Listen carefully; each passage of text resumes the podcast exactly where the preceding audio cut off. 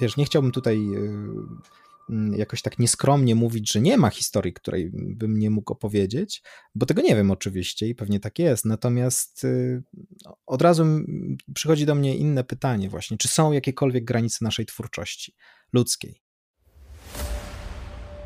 Fabularnicy. Nazywam się Michał Kasprzyk. Zapraszam Was na przygodę ze storytellerami wszelkiej maści. Wspólnie odkryjemy, jak opowiadać arcyciekawe historie.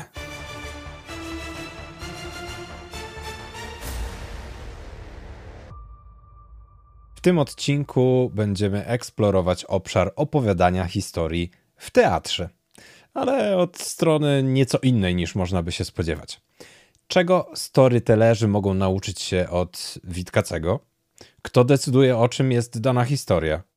Jak pozwolić sobie oddać kontrolę nad opowieścią członkom swojego zespołu? Jak tworzyć scenografię spektaklu w trakcie, kiedy on się dzieje? Fabularnikiem, z którym porozmawiam na te tematy, jest Teo Dumski. Teo poznałem przy okazji ostatniej organizowanej przeze mnie edycji konferencji TEDx Wrocław. Robiliśmy event w pięknym teatrze muzycznym Kapitol we Wrocławiu i aż prosiło się, żeby zrobić teatralnie coś wyjątkowego. I oczywiście jednym z punktów były zapowiedzi prelegentów, grane i śpiewane przez muzyków i aktorów Kapitolu. A drugim właśnie Cloud Theater stworzony przez Theo. Cloud Theater to według mnie teatr wyjątkowy, bo taki, w którym scenografia jest tworzona na żywo w trakcie spektaklu. Jak? No, o tym w rozmowie z Teo. Więcej o Teo znajdziecie w opisie odcinka, do którego możecie zajrzeć w apce, w której słuchacie, lub na stronie fabularnicy.pl. Przejdźmy do rozmowy. Cześć Teo. Cześć. Ja wszystkim moim gościom na samym początku zadaję to samo pytanie, żeby było mm. Y, nudno, no bo podcast storytellingowy, więc e, wiadomo, że nie można za ciekawie opowiadać. Więc to pytanie jest, jaką dobrą historię ostatnio poznałeś? Czy to film, serial, piosenka, spektakl, cokolwiek? Coś, co możesz polecić naszym słuchaczom? E, dosłownie dzisiaj mm, rano skończyłem oglądać serial który włączyłem e, chyba na, net, na Netflixie. E, tak trochę zgłupia frant, e, czytając opis, który zazwyczaj na Netflixie mnie rozbawia, bo zazwyczaj jest robiony w jakiś bardzo prosty sposób. Jeden z takich, który mi się zapamiętał, to na przykład, że tam jakiś bohater ma jakieś tam kłopoty z czymś tam, a na końcu było napisane, a inny bohater pojawia się kilka razy. No więc zawsze mnie to trochę śmieszy, jak te, jak te opisy są robione, no ale przeczytawszy taki opis, y, spróbowałem włączyć ten serial i obejrzałem go całego. To jest serial, który się nazywa Maid, hmm. czyli sprzątaczka po polsku, y, tak, tak jest przetłumaczony. No i zaskakująco, był, był dla mnie zaskakująco ciekawy. To znaczy, oczywiście historia y, przemocy wobec kobiet domowej która to historia już wielokrotnie była opowiadana w wielu tekstach kultury, że tak powiem, więc nie jest nowa, a jednak została opowiedziana w taki sposób, który był przepełniony miłością do dziecka. Mhm. I to mnie urzekło e, w, w, w, całej tej historii, że jednak opowieść e, o, o, o matce, która przez partnera była, e, no, oględnie mówiąc, źle traktowana, była jakoś przepięknie skupiona na dziecku. I taki kontrapunkt mi się w tej historii bardzo spodobał. Mhm. Mhm. Ja miałem okazję obejrzeć tylko pierwszy odcinek na razie, nie zdążyłem reszty, ale ten pierwszy odcinek mnie zainteresował na tyle, że, że, że rzeczywiście też obejrzę resztę. Y, więc y, no, ja słyszałem w ogóle o tym serialu dużo pozytywnych opinii i z tego co widziałem na Rotten Tomatoes, nie wiem czy dalej tak jest, ale miał ten certyfikat 100% fresh, E, więc to jest hmm. duży wyczyn. E, no w tak. ogóle to jest firma produkcyjna e, Margot Robbie, która to wyprodukowała, co też jest trochę ciekawe. W ogóle też bardzo, bardzo ciekawa ta rola od, od twórczyni głównej roli, rola aktorska, ponieważ zagrała tak niezwykle skromnie. Ja znam tę aktorkę z, ze świetnego skądinąd serialu Pozostawieni, mm -hmm. gdzie grała córkę głównego bohatera. Mm, i tam była wyszczekaną y, nastolatką i tak dalej, więc, więc jakby spodziewałem się innego rodzaju energii, a tutaj naprawdę udało jej się pięknie, to się rzadko zdarza u młodych aktorów z małym doświadczeniem, pięknie ogarnąć delikatność tej roli. Mhm. E, no więc tym bardziej polecam. Zachęcamy do e, obejrzenia. A już przechodząc do naszej rozmowy ja nie mogę nie zacząć od tego pytania. Teo, hmm. powiedz mi, który ze schematów storytellingowych lubisz najbardziej? Hmm. No właśnie, no jak już ci nieraz mówiłem gdzieś tam w naszych rozmowach prywatnych, ja jestem raczej, raczej z tego obozu, w którym staram się e, od schematów storytellingowych uciekać. Powiem więcej, nawet staram się uciekać od samej historii. Mhm. Co może być pewnie zaskakujące dla Twoich słuchaczy, że, że to właśnie akurat ze mną rozmawiasz, ale, ale ja nigdy nie, nie czułem się y, mocny w opowiadaniu historii. Dlatego, że jakoś tak zawsze miałem, że moja wrażliwość artystyczna się skupiała na bardziej na formie niż na treści. Natomiast y, w toku swojej działalności zacząłem zauważać, że od y, storytellingu uciec nie można, nawet jeśli e, niby programowo starasz się uciec od niego. Ponieważ opowiadanie historii jest chyba w nas tak głęboko zakorzenione, jak poczucie czasu w ogóle. Mm -hmm. Myślę, że każda istota, która czuje upływ czasu, będzie również wrażliwa na no, zmianę jakiejś treści, którą się jej daje. Nie? No i ja bym w ogóle tak sobie zdefiniował opowiadanie historii, że to jest jakaś zmiana treści w czasie. Mhm.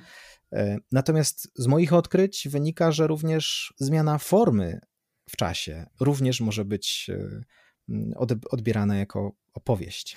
Ale to jest bardzo ciekawe. Jeżeli ty no, niejako uważasz, że nie do końca opowiadasz historię, ale jednak opowiadasz historię, to, to jak to działa w ogóle?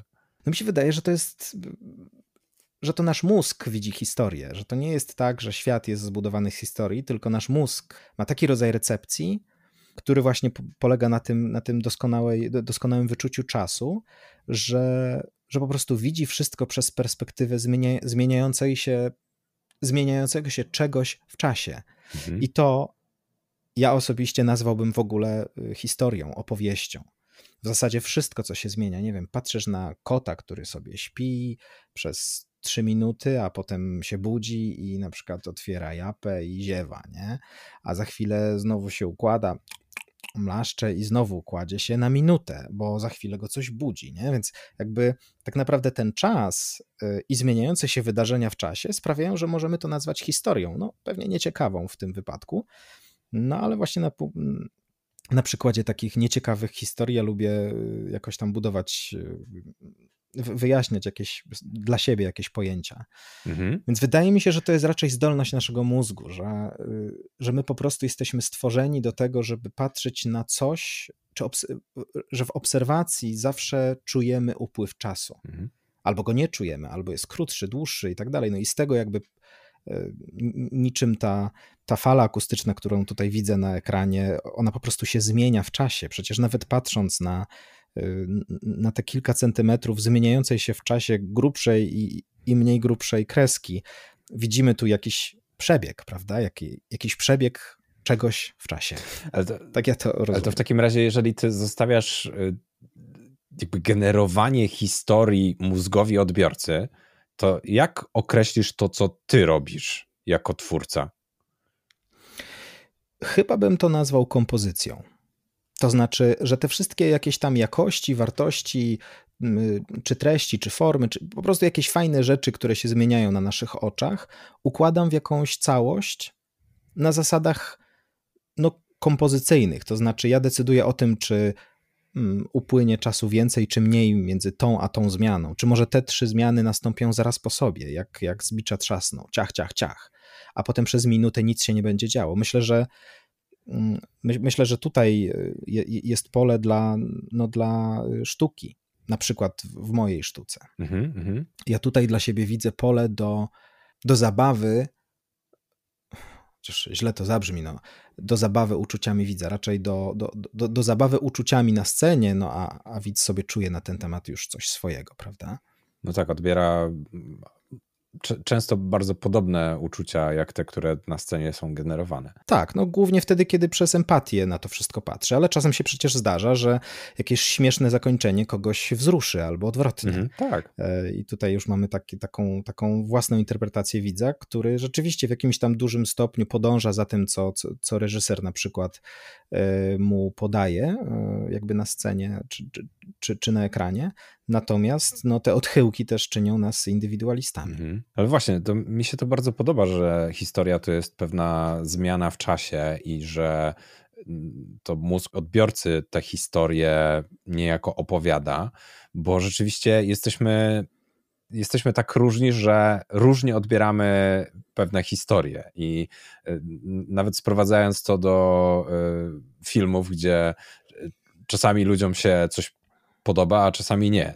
Od choćby jeden z takich nowszych przypadków, gdzie było dużo kontrowersji, to był, e, była jedna z nowszych e, części Gwiezdnych Wojen, e, gdzie część fanów się po prostu zachwycała, że to jest to, to są te Gwiezdne Wojny, a część mówiła, że właśnie nie, że przeciwnie, że to jest badziew i jak w ogóle można było to wypuścić. Także tutaj rzeczywiście były te interpretacje różne. No tak, ale też, też interpretacje różne mam wrażenie, że nie wynikają tylko z tego, jaki kto jest, ale również jakie kto ma oczekiwania. Mhm. Myślę, że akurat jak kręcimy, nie wiem, który to już ósmy, dziewiąty, dziesiąty film y, na temat Gwiezdnych Wojen, y, no to na pewno jest grono ludzi, które ma jakieś oczekiwania. Nawet jeśli nie lubili, no to na przykład myślą, że może teraz zrobią dobry, nie? A ci, którzy lubili, y, myślą, o, pewnie zrobią niedobry, albo na pewno zrobią taki tak dobry jak ostatni, nie? Mhm. Więc jakby zawsze wszystko, każdą historię też odbieramy poprzez pryzmat swoich oczekiwań. Mhm. E, czy to świadomych, czy nieświadomych, prawda? Na przykład jednym z takich oczekiwań jest to, żebyśmy się fajnie bawili w tym kinie, to znaczy, żeby się, żebyśmy coś dostali konkretnego, żeby to nie było nudne, jak często mówimy. Nudne, czyli, czyli jakby niepociągające. Natomiast mnie bardziej interesujące znowu się wydaje w tym, co mówisz, nie samo to, że różnie ludzie interpretują historię, czy się podoba, nie podoba, bo to jest kwestia jakichś tam preferencji, czy, czy, czy w ogóle indywidual, indywidualnego podejścia. Natomiast strasznie mnie zaciekawiło w tym, co mówisz, to, że często historie, pomimo jakby podobnych interpretacji, dla niektórych są pociągające, a dla niektórych nie. Mhm.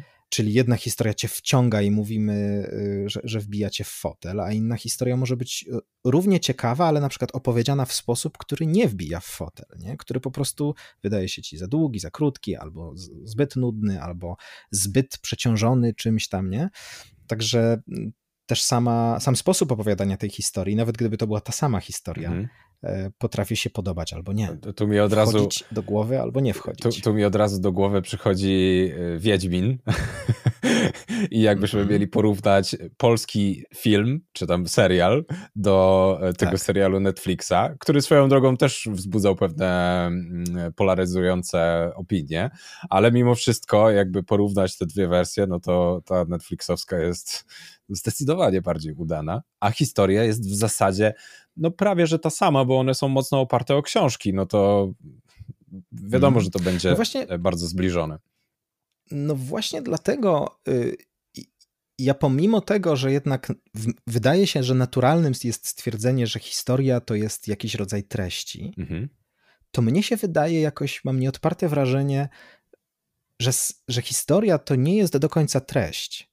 To jest sposób opowiadania tej treści. Dlatego ja lubię mówić, że to jest właśnie zmieniająca się forma w czasie, nie? Że, mhm. że jednak sposób w czasie opowieści, nawet tej samej treści, to jest prawdziwa historia. Ona potrafi pociągać albo odrzucać, albo cię wciągać, albo nudzić. Natomiast sama treść angażuje cię na jakimś poziomie bardziej intelektualnym, nie? czyli zastanawiasz się, czy sprawy poruszane w tej a tamtej historii są interesujące, czy nie, czy, czy, czy są dla ciebie ważne i tak dalej, i tak dalej.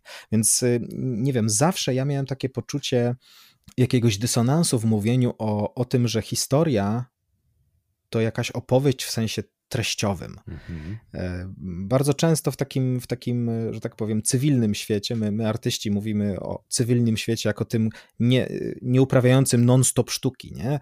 Czy, czyli takim zdrowszym trochę, że tak powiem. E, często się właśnie upraszcza, tak? I, i, I mówi się, że historia jest interesująca albo nieinteresująca, że jest ciekawa albo nieciekawa. Tymczasem, e, no, przykład Wiedźmina świetny, że ta sama historia, napisana y, przez tego samego autora w, w, w tak samo dobry sposób, y, zresztą uwielbianego i kultowego a, a, autora, potrafi być opowiedziana w tak różnorodny sposób. Mhm. Ale mówisz, że historia to jest zmiana formy w czasie. I te, to, to w takim razie, czym jest ta forma? Jak ją interpretujesz? No to jest jedna y, takich, z takich trudniejszych rzeczy do, do wyjaśnienia. Mm, kiedy, kiedy na własne potrzeby, czy na potrzeby studentów na przykład staram się takie rzeczy wyjaśniać, to bardzo lubię się odnosić do, y, do pojęcia kształtu. Można powiedzieć, że, mhm. że nasz mm, dźwięk, który do, dopływa w tej chwili, do, do, dociera do uszu słuchaczy, jest jakimś kształtem. I nie mam tutaj na myśli kształtu geometrycznego, ale jakby zawiera w sobie różne jakości. Czasem on jest, nie wiem, ostry, mhm. czasem jest gładki, czasem jest, y, nie wiem, cichutki, a czasem jest przeszywający, prawda? Więc mnie się wydaje, że formą nazwałbym ten aspekt rzeczywistości, który da się określić e, jako jakość. Jakość. Szorstki, e, mhm. nie wiem, gładki, mm, ładny, brzydki, nie, to już nie jest jakość, to już jest raczej jakieś, jakaś interpretacja. Więc y, to w ogóle nie jest łatwe. Ja jestem wielkim fanem w ogóle, y, co jakby natychmiast się łączy z, z tą naszą rozmową. Jestem wielkim fanem teorii sztuki Witkacego, y, który, którą nazwał czystą mhm. formą. Jak już sama nazwa wskazuje, no bardzo skupiał się właśnie na, na tym aspekcie sztuki w ogóle, czym jest forma. No i no, chciałbym zaznaczyć, że facet napisał chyba z osiem wspaniałych, przepastnych tomów na ten temat. I, i, i mało jest ludzi, którzy uważają, yy, i mało jest na świecie ludzi, którzy uważają, że napra naprawdę rozumieją to wszystko. Ja akurat pisałem pracę magisterską o, o czystej formie, więc jakoś, jakoś jestem tym zafascynowany. Natomiast myślę, że zagadnienie formy yy, i czym ona jest, jest, jest niezwykle trudne do, dla nas do, do zrozumienia to trochę tak jak z czwartym wymiarem, że my generalnie na co dzień żyjemy w treści. W związku z tym nie zauważamy formy, w której, w której jest ta treść umieszczona. Więc najprościej bym starał się to wytłumaczyć w taki sposób, że, e, że jak masz na przykład e, kubek, w którym jest kawa, mm, no to formą nazwałbym mhm. e, kształt, który ta kawa przybiera w tym kubku, a treścią nazwałbym smak kawy. I, i, I tę samą mhm. kawę możesz wlać do różnych kubków, prawda? Bardziej podłużnych, bardziej y, płaskich i ona zajmie jakiś, jakiś inny kształt. I z jednej strony można powiedzieć, że jest tą samą kawą, a z drugiej strony jej kształt y, w przestrzeni, to jak się rozkłada w przestrzeni, no ma jakieś znaczenie. Na przykład, kiedy fotografujesz tę kawę, nie? Czyli na przykład jeśli fotografujesz kubek z kawą, mhm. przepraszam, szklankę z kawą, nie? No, to, no to można powiedzieć, że na tym zdjęciu widzimy i formę, i treść, bo treścią jest to, że ktoś pewnie pije kawę, że to jest kawa, my znamy to, to są jakieś skojarzenia, smaki i tak dalej, i tak dalej. A z drugiej strony to, czy to jest w kubku y, jasnym czy ciemnym, czy, czy, czy kształt tego kubka na przykład nie nawiązuje do czegoś, to, to, to już jest y, forma, która równie dużo może powiedzieć, co sama treść. Czyli jeśli na zdjęciu mamy długopis, e, kubek z kawą i łańcuszek, e, taki biżuteryjny łańcuszek, nie? I, i to wszystko leży na stole, to, to kompozycja tych przedmiotów jest w stanie ci opowiedzieć jakąś historię, nie? Możesz powiedzieć, że e, być może jest to damski wisiorek i, i że ten ktoś nie wiem, pisząc książkę, bo jest obok długopis, bo kawa i długopis to jest jakieś już skojarzenie, że to pewnie pisarka, mm, pisała jakąś książkę, no i, no i być może zdjęła ten wisiorek dlatego, że albo bawiła się nim, nie? Czy, czy coś takiego. No, więc tu możemy powiedzieć, że jest jakaś mhm. treść, którą opowiada to, to zdjęcie.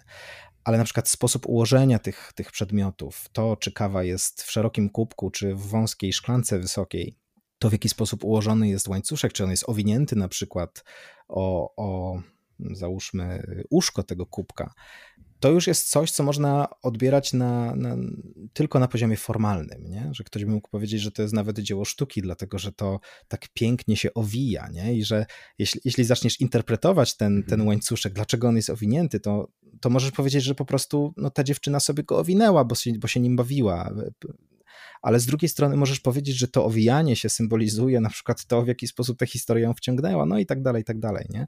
Więc to jest trudne do odróżnienia, natomiast, y, natomiast wydaje mi się, że, że, że kiedy się patrzy na rzeczywistość z takim pytaniem, co jest formą, a co jest treścią, to nasz mózg potrafi to, y, mm, to oddzielić i po pewnym czasie zaczynamy widzieć te różnice.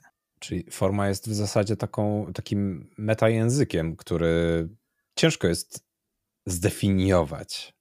To jest po prostu coś, coś, coś, coś takiego, taka, płaszczy, taka warstwa hmm. nad tą warstwą bezpośrednią albo pod. rzeczywistości. Witkacy zawsze mówił, y, że, że, że, że, forma to naczynie dla treści. I jakby mnie najbardziej mhm. inspiruje ta, y, ta rzecz, że jeśli, jeśli to samo zdanie powiesz na różne sposoby, no to możemy mówić, że zmieniasz, bawisz się formą tego zdania, prawda? Jeśli to zdanie jest literalnie to samo. Mhm ale, ale jeśli zmieniasz treść, a mówisz je podobnie, no to możemy mówić, że bawisz się raczej treścią, a forma pozostaje ta sama. A czego storytellerzy mogłyby, mogliby się nauczyć właśnie od Witkacego i od jego czystej formy? Czy są jakieś takie, czy jedna taka, wiem, że z ośmiu tomów opasłych to ciężko jest coś e, e, wybrać, czy skrystalizować to? Nie jestem pewien, czy wszystkie przeczytałem nawet. Spoko.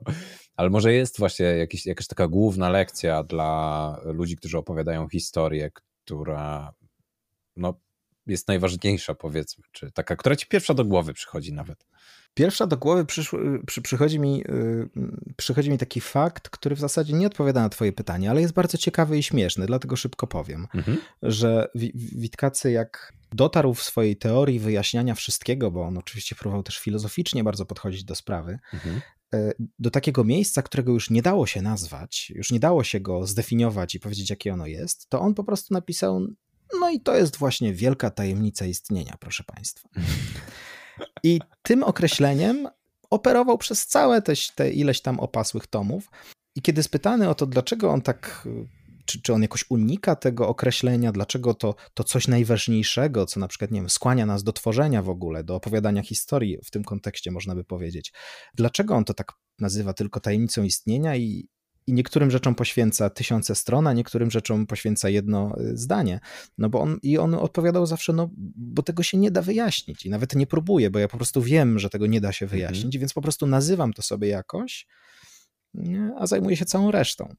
Hmm. Więc y, to, to, mi się, to, to mi się przypomniało od razu, ale myślę, że, że czymś tak, tak po dłuższym zastanowieniu, wydaje mi się, że czymś, co mogłoby pomóc storytellerom, E, to jest takie spojrzenie, które Witkacy nazywał rozkładem napięć. Mhm.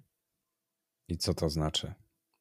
No na przykład jak, jak malował swoje obrazy, to bardzo często zarzucano mu, że te obrazy są bez sensu, że są nierealistyczne. No to to już, to już wiadomo, to, to, to już potem zaakceptowano to, że one są nierealistyczne, ale na przykład no, w końcu Picasso też nie, nie, nie robił rzeczy realistycznych, ale Y, u niego było bardzo trudno z tym zaakceptowaniem dziwaczności, dlatego że on jakby nie łączył y, rzeczy w sposób logiczny. To znaczy, y, jakbyśmy wrócili do tego naszego przykładowego zdjęcia z kubkiem kawy, to on na przykład w tym kubku kawy umieszczał dżdżownice, które zjadały własne ogony na przykład, nie? Hmm.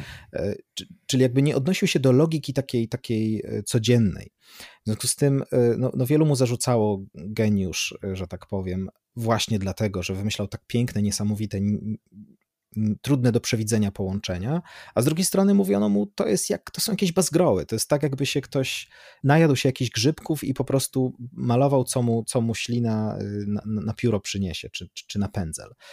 A z drugiej strony on pisał długie y, rozprawy na temat tego, jaką historię, moglibyśmy dzisiaj powiedzieć, opowiadają te jego obrazy.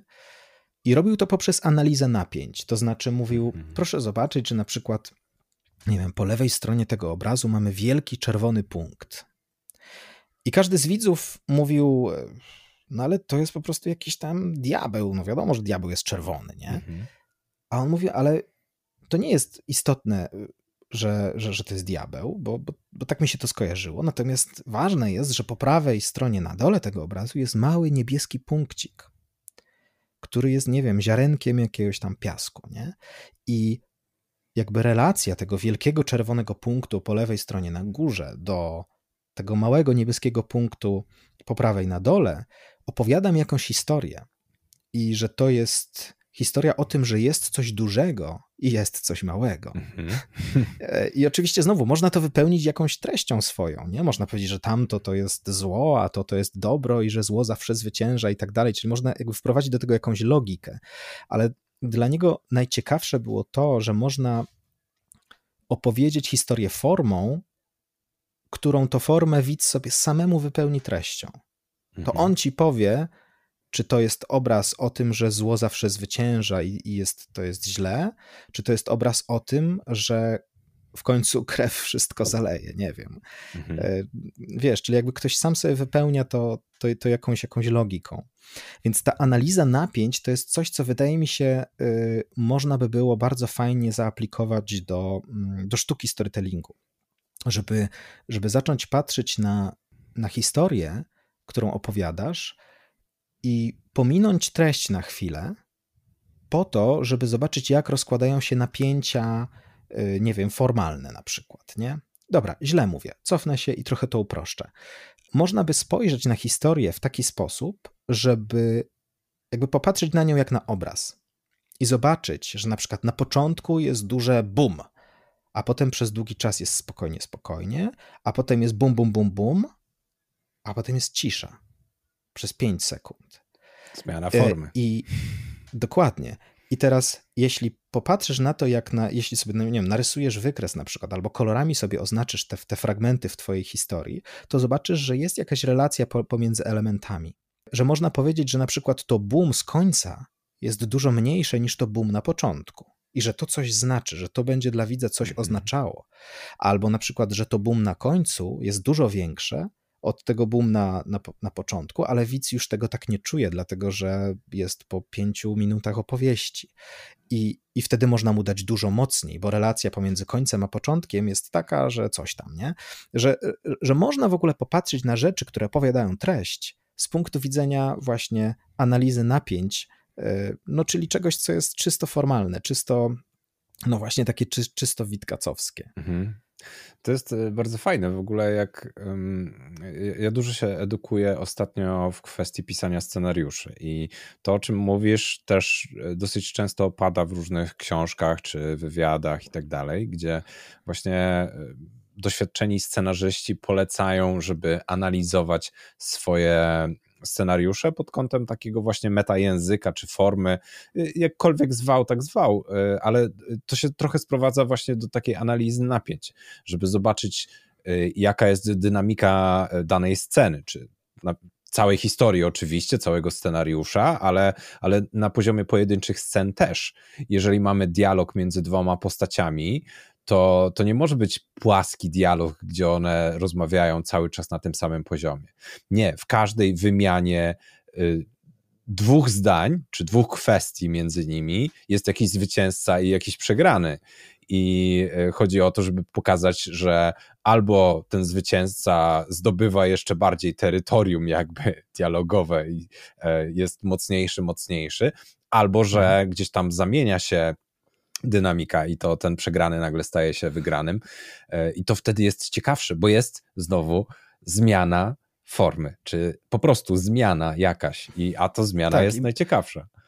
można pójść jeszcze dalej, to znaczy, y, ciągnąc dalej ten twój przykład, można powiedzieć, dobrze, to teraz jak się ma to zwycięstwo w tej scenie mhm. do tego zwycięstwa na końcu? Tak. Nie? Albo tego zwycięstwa na początku, na przykład innej postaci. Mhm. I, I kiedy zaczynasz patrzeć tak wielowarstwowo na, na, na ten scenariusz, e, to zaczynasz widzieć dużo więcej warstw, y, na których może się coś zmieniać, Mhm. I możesz powiedzieć, ok, no to ta scena musi być w ogóle y, dużo bardziej intymna, bo całość jest taka i taka. Mhm. I właśnie w tym miejscu, w całej historii potrzebujemy wyciszenia. I gdybyśmy ją opowiadali poza tym kontekstem, to byłaby zupełnie inna, ale ten kontekst sprawia, że ona musi być tutaj taka, bo tutaj potrzebuje widza uspokoić, nie? Bo, bo przez ostatnie pół godziny na przykład mówiłem mu o czymś ważnym. Mhm.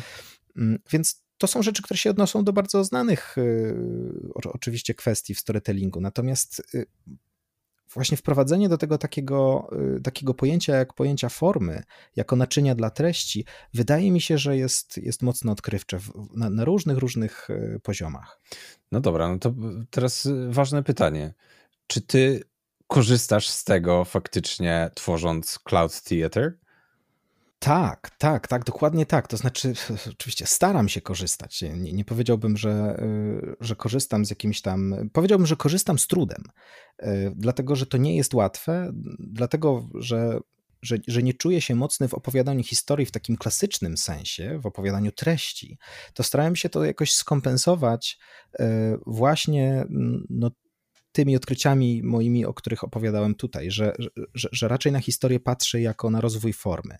Mhm. I na przykład jednym z takich koronnych przykładów, który mi przychodzi do głowy, koronnych w moich, w moich dziełach, jest taka scena z, ze spektaklu Technologia jest istotą. Mam na myśli spektakl, ten taki duży spektakl, że tak powiem, a nie ten performance, który e, onegdaj e, na, na twoim, że tak powiem, TEDxie mhm. pokazywałem to tam była taka scena, która pokazywała y, las.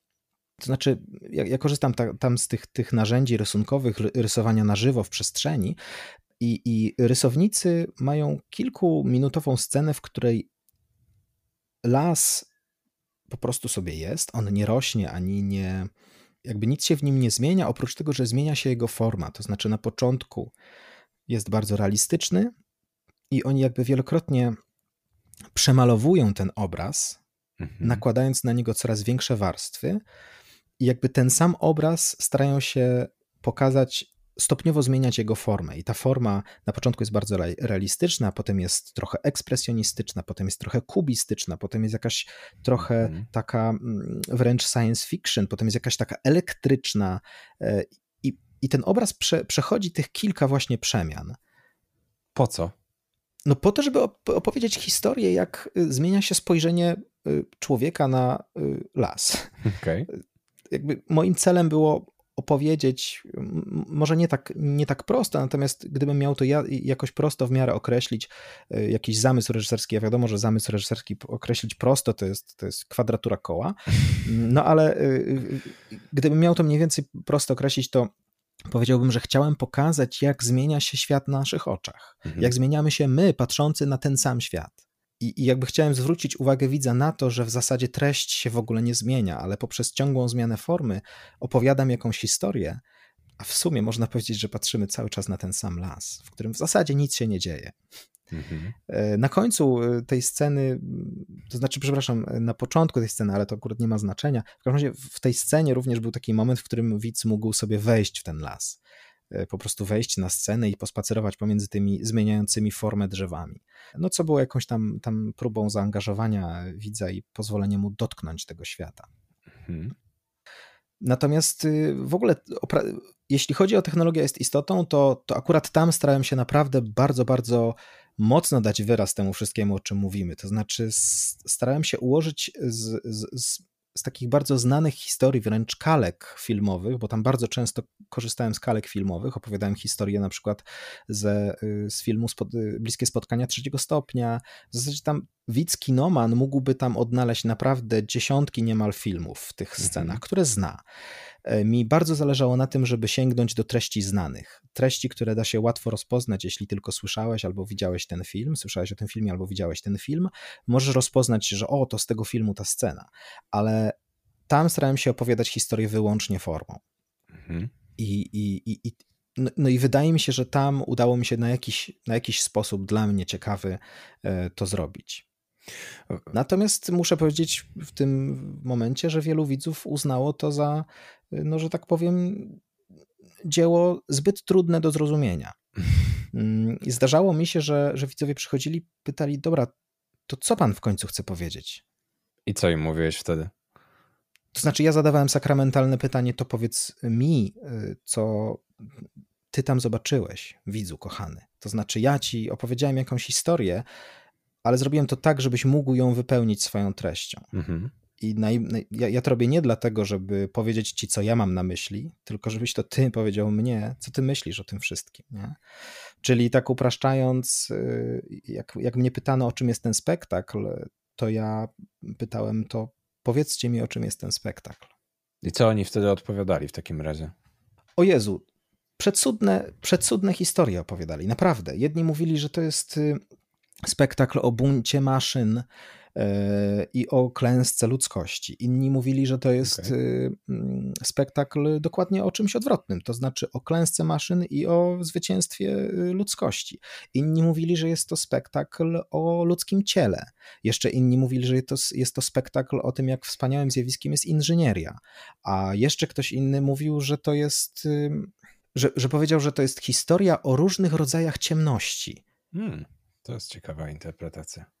I, i, I to mnie urzekało zawsze. To znaczy, jeśli wydaje mi się, że. Y, to, to znaczy, jeśli miałbym określić dla siebie, czym, czym dla mnie jest sztuka, y, to, to dla mnie sztuka jest mniej po to, żeby opowiedzieć to, co mi się wydaje, a bardziej jest jakimś rodzajem naczynia, w którym możesz dostać to, co ktoś inny tu, tutaj przyniesie. Nie? Czyli, ty, czyli, czyli budujesz jakiś rodzaj wehikułu, do którego zapraszasz ludzi i oni ci dzięki temu coś pokazują, nie? Mhm.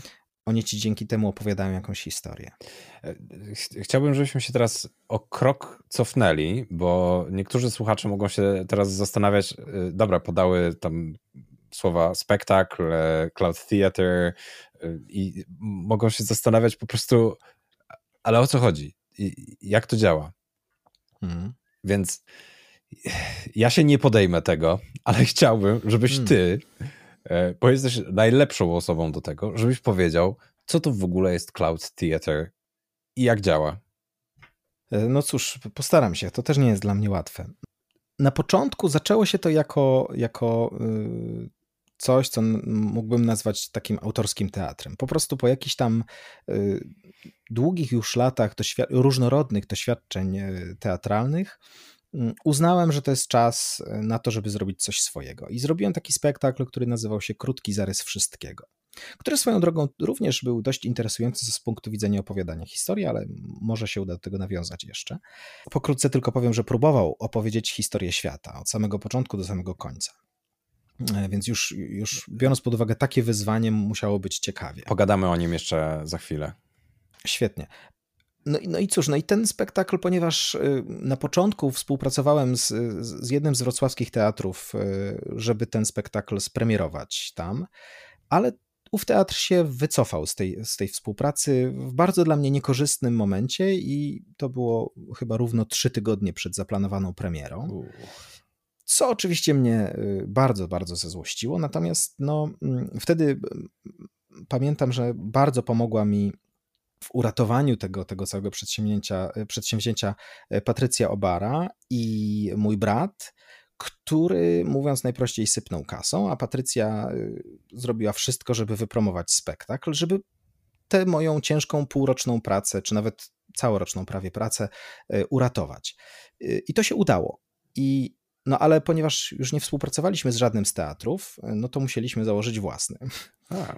No i tak to tak to tak naprawdę powstało. Jak, jak, jak mm, próbowałem wymyślać nazwę dla teatru, to mój przyjaciel zapytał mnie, a tutaj kombinujesz różne takie y, nazwy, ale nie wiem, może po prostu pomogę ci tak. Zadaj sobie pytanie, jak lubisz pracować. Ja mówię, wiesz co, najbardziej lubię tak pracować w chmurze.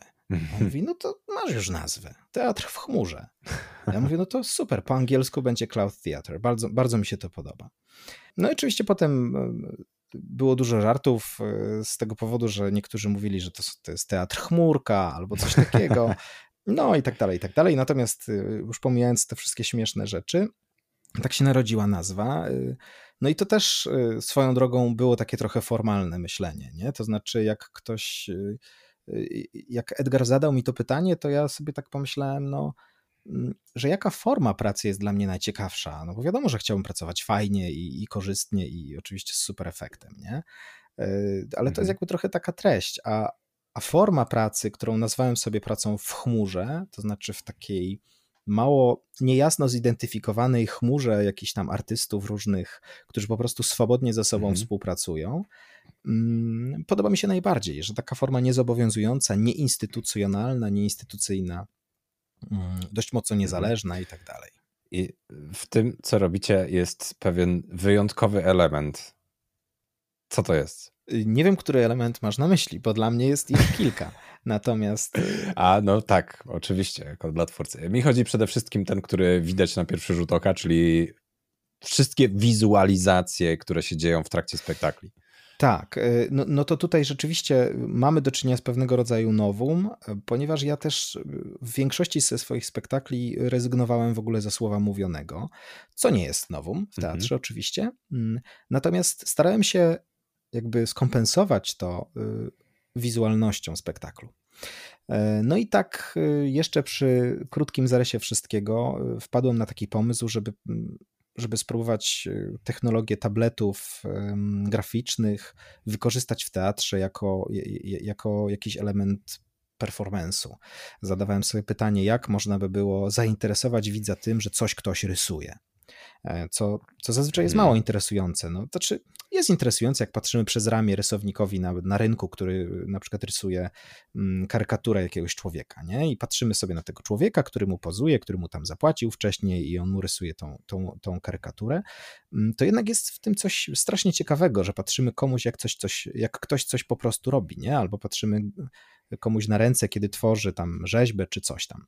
Więc ja uznałem, że, że w tym jest jakiś, yy, jakiś świetny element performatywny, to znaczy interesujący teatralnie, kiedy patrzysz na to, jak coś powstaje. No więc, yy, mając pewne umiejętności yy, programistyczne, które jakby zostały mi z dzieciństwa, bo się bardzo interesowałem e, komputerami, potem jakby zboczyłem na zupełnie inną ścieżkę artystyczną, to był ten moment, w którym mi się te ścieżki połączyły nagle. To znaczy, ja byłem taki dość mocno rozszczepiony od dzieciństwa, bo interesowałem się bardzo informatyką, jednocześnie miałem w sobie mhm. jakąś dużą wrażliwość artystyczną, której mm, nie umiałem pogodzić z tą, z tą całą technologiczną warstwą. I przez bardzo wiele lat y, no, rozdzielałem te przestrzenie. Pracowałem w teatrze, robiłem sztukę, która nie była zbyt technologiczna. No, na boku robiłem strony internetowe, pisałem programy, jakieś tam rzeczy bardziej lub mniej hobbystyczne, czasem na zamówienie. No i to był ten moment, w którym pomyślałem sobie, świetnie, stworzę w takim razie narzędzie, które pozwoli mi e, pokazywać widzowi na ekranie poprzez e, projektor, jak powstaje rysunek. Po prostu rysować na żywo, na mhm. jakiejś, w jakiejś przestrzeni. Mm, no więc y, zaprogramowałem sobie coś, zaprogramowałem sobie coś takiego. Na początku w ogóle, y, co, co bardzo jest ciekawym faktem i mało kto o tym wie, y, współpracował ze mną na początku rysownik Adam Kabat, który mm, rysował pierwsze obrazy w ogóle myszką. To znaczy myszką rysował na ekranie, co oczywiście było strasznie koślawe, no ale on jako świetny rysownik potrafił naprawdę cuda zrobić tą myszką, więc jak tylko złapał mhm jak w końcu udało mi się rozpracować tablet i jak to zrobić tam, bo musiałem oczywiście napisać jakiś tam własny sterownik i tak dalej, to nie było wcale takie proste, ponieważ y, producenci tabletów jakby nie, niespecjalnie widzą zastosowanie poza tym, że możesz ruszać myszką, a nam zależało na tym, żeby ruszać jednocześnie, żeby myszka robiła tam inne rzeczy, tutaj włączać, wyłączać efekty i takie rzeczy, a, okay. a jednocześnie cały czas rysować, nie? No więc musiałem e, napisać taki, taki bardzo prosty sterownik, który pozwolił jakby to zrobić.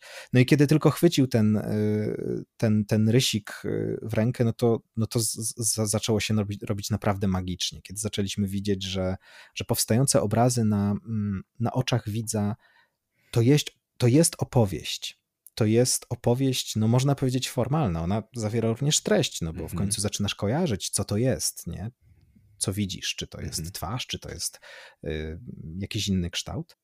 No ale tutaj jakby w, w, tym samym rysującym się, tworzącym się obrazie na oczach widza, ja widzę bardzo dużo właśnie takiego przesunięcia historii w stronę formy. Nie? To znaczy, że nie tylko interesuje cię to, co ktoś narysuje i czym jest to, co, to, co ktoś narysuje, ale również w jaki sposób to robi, jak wolno, jak szybko, czy robi to kilkoma pociągnięciami, czy jedną długą, bardzo wolną kreską. E, czy koloruje to, czy robi to zamaszyście i, i schematycznie.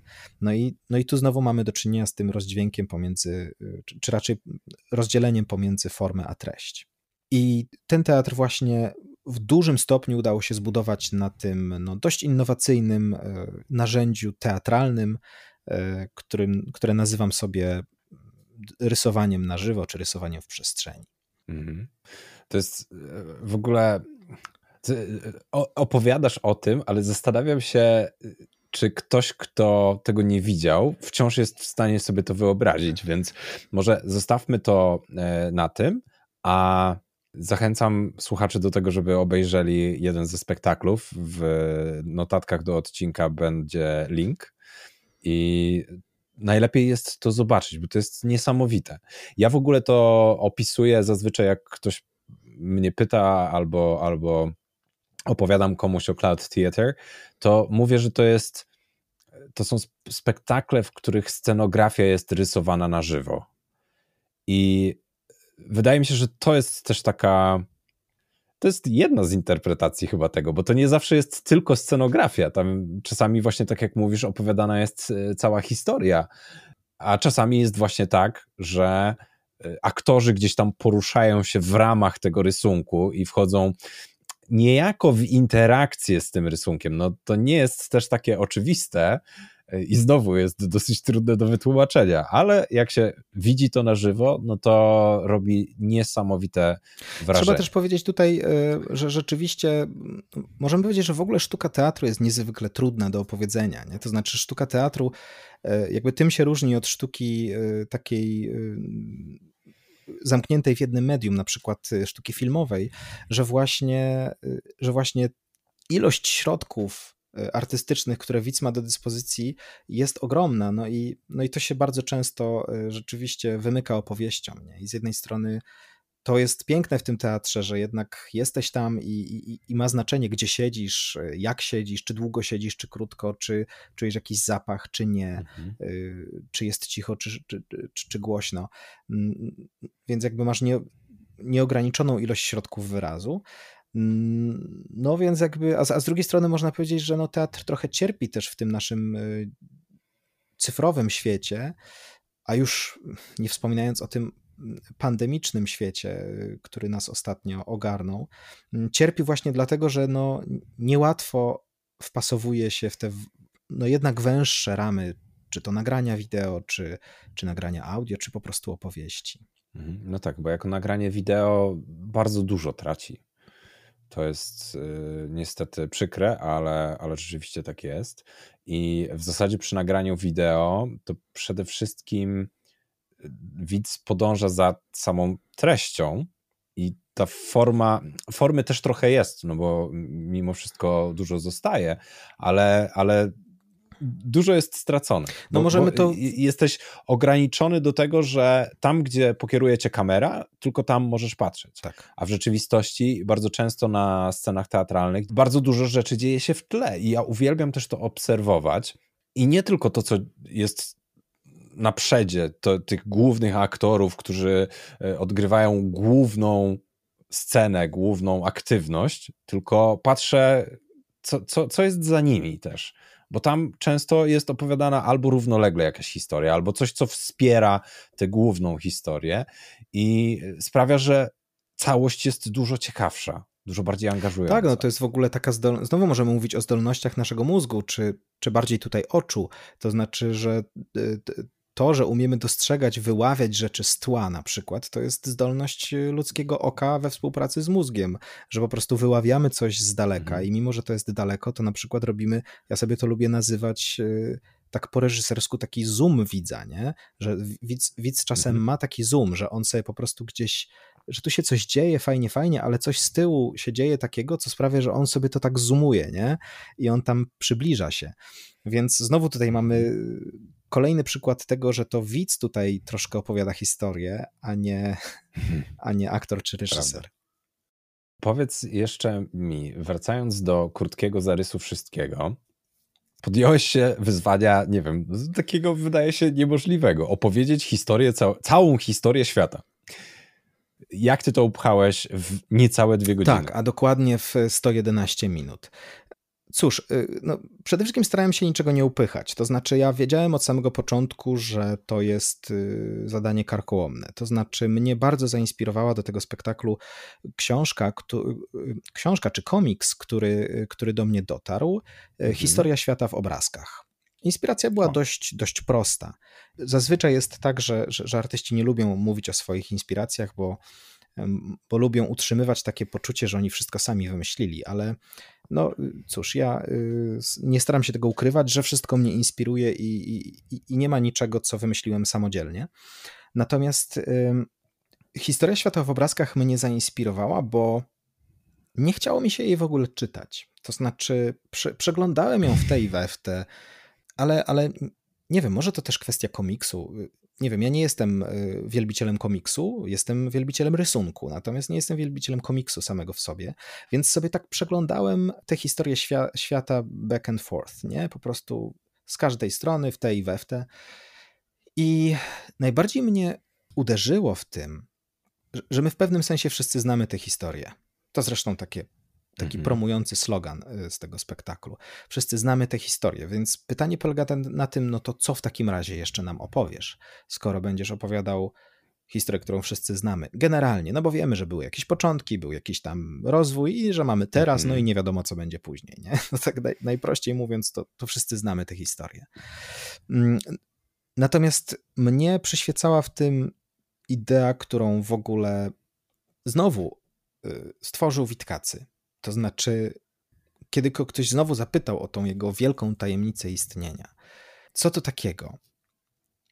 I go tam cisnęli, żeby jednak próbował choć, choć, choć troszkę uchylić, co on tam widzi w tej, czy to jest kwestia tego, czy Bóg istnieje, czy to, czy my mamy duszę i coś tam. No wiesz, te wszystkie takie sakramentalne, wielkie pytania ludzkie, czy, czy dokąd zmierzamy i tak dalej. E, to on powiedział, no nie wiem, mnie się wydaje, już tam oczywiście parafrazuję, y, powiedział, że mnie się wydaje, że to, że, że, że to jest tak, jakby zobaczyć wszystko w jednym mgnieniu, w jednym błysku. I mnie się to strasznie spodobało, że, że, że ja oglądając tę historię świata w obrazkach, miałem takie momenty, w których wydawało mi się, że, że ogarniam. Oczywiście nie ogarniałem, bo nie da się mhm. ogarnąć historii świata w jakiś sensowny sposób, nie? Ale masz taki moment, w którym widzisz coś na, na, na tyle dużym obrazie, że na przykład wyciągasz jakiś wniosek dotyczący Twojego życia, albo po prostu jakoś się czujesz, albo czujesz się duży, albo mały, w zależności od tego, czy, czy Cię to przytłacza, czy uskrzydla. I ja pomyślałem sobie, że jeśli opowiadać tego rodzaju historie, to tylko w sposób, który pozwoli Ci na to popatrzeć w jakimś dużym obrazku który jakby zrobi ten zoom tylko w drugą stronę, który pozwoli ci powiedzieć, mhm. ok, była taka wojna, taka, taka, taka, siaka, owaka, tutaj by, były małpy, tam były, um, tam były jakieś wielkie odkrycia y, kosmiczne, tutaj lądowanie na Księżycu i tak dalej, ale teraz weź to wszystko tak upchnij i zobacz to na wielkim jednym obrazie. I zobacz, nie wiem, jak jest, jak się czujesz z tym. Mhm. Czy czujesz się mały, czy wielki, czy, czy, czy to jest fajne, tak ta nasza historia. Czy ona jest smutna, czy wesoła, czy może trochę taka, trochę taka, wiesz. Więc moim celem nie było opowiedzieć wszystkiego, tylko wyciągnąć tych kilkanaście czy kilkadziesiąt y, krótkich historii, błysków, jakichś, jakichś momentów z historii świata mm, i pokazać je w jakimś jednym kawałku w, jakimś, w jakiejś ciągłości, w jakimś czymś, co możemy sobie ogarnąć. Dlatego też bardzo y, starałem się, żeby ten spektakl nie był zbyt, zbyt długi, bo na początku, jak każde chyba dzieło teatralne, miało prawie dwa razy więcej czasu trwało niż, niż y, tam po kilkunastu spektaklach. To zawsze tak jest. Y, często aktorzy mówią, to się jeszcze ubije, nie?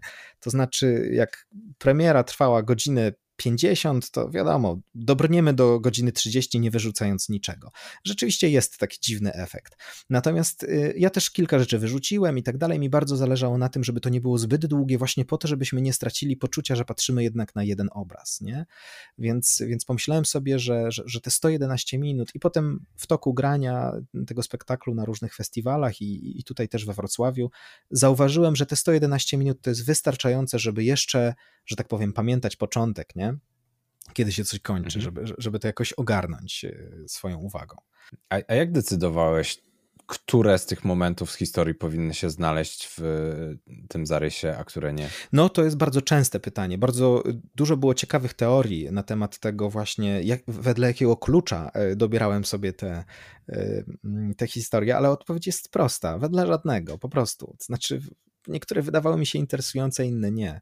Y, mhm. I, I, tyle. To jest tak, tak indywidualna była y, decyzja, że ja nie potrafię specjalnie powiedzieć, dlaczego to, dlaczego tamto.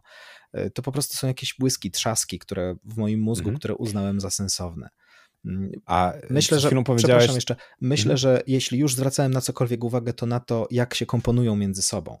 Bo wcale, mhm. jak się pewnie domyślasz, nie były opowiedziane chronologicznie. A przynajmniej nie zawsze. Tak, tak. O tę nieliniowość też chcę zaraz zapytać, ale e, przed chwilą powiedziałeś też, że coś wyrzuciłeś ze spektaklu już po premierze. E, to na jakiej podstawie te decyzje podjąłeś, że dany moment nie pasuje, czy po prostu go wyrzucasz? Chyba, chyba jest tak, że każdemu twórcy trudno jest odrzucać część swojego dzieła. Reżyserzy chyba super często, czy, czy dramaturdzy są, wiesz, aż boli, jak muszą wycinać jakieś fragmenty. Ja to rozumiem absolutnie i mnie też bolało, szczególnie jeśli sceny wydawały mi się fajne, ciekawe i dużo pracy w nie wsadziliśmy, ale y, ja skorzystałem z jeszcze prostszego chwytu. Po prostu czasem o jakichś scenach zapominaliśmy. Po prostu zdarzało się, że w spektaklu po prostu ktoś zapomniał, jaka jest scena następna i poszedł grać kolejną. E, okay. I kiedy jakaś scena wypadła raz albo dwa przez przypadek i zdałem sobie z tego sprawę po spektaklu, pomyślałem, okej, okay, to znaczy, że to znaczy, że chyba tam nie da się jej opowiedzieć, albo nie wiem, może po prostu tak powinno być. Mm, więc oddałem się takiemu, no, jakby to powiedział, jak, jak powiedział po, podobno kiedyś Einstein, jedynym prawdopodobnym bóstwem jest przypadek, więc ja się oddałem przypadkowi w tej kwestii. Okej. Okay. Mega ciekawe. E, I jestem ciekaw, jak, jak, często się to zdarza w ogóle innym twórcom, ale to też hmm. może być ciężkie, żeby się dowiedzieć. Trudno powiedzieć. Wiem, że w teatrach, że tak powiem, bardziej instytucjonalnych niż, niż nasz, e, dużo częściej ma się do czynienia na przykład ze spisem scen i, i z mhm. inspicjentem, mhm. który pilnuje co no tak. teraz, nie? I, i, nie, ma, nie ma opcji, żeby o czymś zapomnieć. U no nas właśnie, tego inspicjenta właśnie. nie ma, tej listy nie ma. Y, zazwyczaj ja jestem również na tyle mocno zaangażowany w spektakl, że w ogóle nie mam głowy do tego, żeby, żeby myśleć, co teraz następne i żeby komuś powiedzieć, czy pamięta, co następne. Mhm. Po prostu wszystko leci na, na mhm. łeb, na szyję. E, no i w tym momencie mamy do czynienia z taką, nie wiem, taką lekką selekcją naturalną. No, może i lepiej w ten sposób. A powiedz właśnie a propos tej nieliniowości. Znowu, no pytanie o decyzję. Dlaczego akurat w takiej kolejności opowiadasz rzeczy, a nie w innej? Dlaczego nie chronologicznie na przykład? Ja w ogóle lubię patrzeć na tworzenie e, dzieł i lubię się od, odnosić do, do takiej metafory malarza. To znaczy, powiedziałbym, że, że ja staram się robić spektakle tak, jak, czy, czy w ogóle jakieś opowieści tak, jak y, robi malarz. To znaczy, po prostu patrzy sobie na płótno, które oczywiście nigdy nie jest puste, bo już coś na nim jest. Nie ma pustego płótna, jest jakaś faktura, jest jakaś, jakieś światło, mm -hmm. coś tam, nie? Więc już w ogóle myślenie, że zaczynasz od zera, y, już jest w ogóle skazane na niepowodzenie. Więc ja nie, nie staram się oszukiwać, że zaczynam od zera. Zaczynam od czegoś, czegoś, co, co jest, mm -hmm. albo co, co po prostu wrzuciłem na scenę, nie? Na przykład sama scena już jest kontekstem, od którego nie da się uciec, prawda? Mm -hmm. Więc y, a, a potem po prostu stawiasz jedną plamę i patrzysz, co, co ci to robi. Jeśli, jeśli ci coś robi, to sobie tą plamę poprawiasz, jeśli nie, stawiasz inną i tak sobie uprawiasz taką sztukę akcji i reakcji, nie? Y, tak Erwin Axer, y, tak, taki reżyser z powojennych czasów lubił mówić, że, że reżyseria to taka sztuka akcji i reakcji, e, że, że, że, potrzebna jest reakcja na coś, że często się mówi, że aktor musi dać najpierw coś, musi wejść, wyjść, musi się pokazać, musi cokolwiek zrobić, musi być w ogóle, nie? żeby mogło się wydarzyć, że mało kiedy mhm. reżyser teatralny przynajmniej tak po prostu wymyśla sobie wszystko w swojej głowie, a potem z idealną precyzją przelewa to na scenę. To jest sztuka bardzo żywa i, i również w trakcie tworzenia bardzo żywa. Myślę, że w, w wiele filmowych dzieł też tak powstaje, chociaż na pewno dużo mniej. I ta nieliniowość się pojawiła znowu dopiero po chwili. To znaczy, na początku starałem się opowiedzieć od początku do końca wszystko. Natomiast yy, znowu trochę przypadek, yy, czym można by nawet powiedzieć, może trochę intuicja. Zdarzało mi się czasem yy, ten taki, bo ja zrobiłem sobie taki wskaźnik, taki, y, taki suwak, który, y, który pozwalał pokazywać różne liczby na ekranie. Jak sobie go suwałem w lewo, to te liczby się zmniejszały, albo i czasem szły, szły poniżej zera, a y, jak sobie go przesuwałem w prawo, to szły w górę. No i jak, mm, jak ta liczba, która się. I to się wyświetlało non-stop na ekranie przez, mhm. cały, przez cały spektakl. I kiedy ta liczba na przykład była coś w stylu 1748, no to wiadomo, od razu się kojarzy z z rokiem mhm. E, w, w, w, erze nowożytnej. Natomiast kiedy była minus 7458, no to nikt specjalnie nie wiedział, czy to jest, co to jest za liczba i o co chodzi. No więc kiedy za, zacząłem zauważać, że, że ta liczba, ona nie, nie zawsze się kojarzy z czasem, ona się czasem kojarzy z ilością sekund, które upłynęły od początku spektaklu, albo y, z ilością sekund, które y, upłynęły od początku świata. Nie wiem, no, jakieś takie dziwne rzeczy, że interpretacja tego numerka jest tak różna na podstawie tego, co akurat jest, ile cyfr tam jest, że w zasadzie równie dobrze można by było wyświetlić jakieś zupełnie inne liczby i zacząłem się tym e, bawić na spektaklach. To znaczy, kiedy opowiadaliśmy, nie wiem, wydarzenia z czasu rozbiorów, no to zacząłem po prostu skakać po tych datach różnie. I zacząłem zauważać, że, że to skakanie ma, sw ma, ma swój wyraz. To znaczy, że to nie tylko chodzi, żeby powiedzieć, no to się wydarzyło w 1792 roku, czy coś takiego, tylko nagle się okazało, że to, że na początku był 1792, potem był 2004, a potem był znowu 1792, y, a potem był minus 4000, to daje poczucie, że takie rzeczy wydarzały się w różnych miejscach, w różnych czasach i, mhm. i wiesz, no, jakoś po prostu popycha jakąś interpretację. No, mówisz sobie, aha, czyli to, co się wydarzyło w 2004, mogło być jakoś podobne do tego, co się wydarzyło w 1945, nie? Mhm. I, I, na pewnym intelektualnym y, poziomie można powiedzieć, że to jest bez sensu. Natomiast na pewnym formalnym poziomie możemy powiedzieć, że możemy w ten sposób zauważyć, że człowiek sobie tak dzielił ten świat pomiędzy siebie a resztę y, przez całą ludzkość. Nie? I, i, I, mamy z tego jakiś ciekawy wniosek na temat tego, że my, my żeśmy sobie zbudowali część swojej historii na, na tym, że mówiliśmy, dobra, dotąd moje, a tutaj jest twoje, a tam jest kolegi. Mhm. E, mam na myśli akurat stawianie granic na mapie. Mhm. Mm, I, że, i, I to mi pomagało zobaczyć to w jakimś e, szerszym obrazku, nie? że już wychodziliśmy z opowiadania historii tego, że na przykład rozbiór Europy był taki i siaki, że to tak nie, mniej więcej działo, że ten przesunął w, te, w tę stronę te granice, a ten w drugą.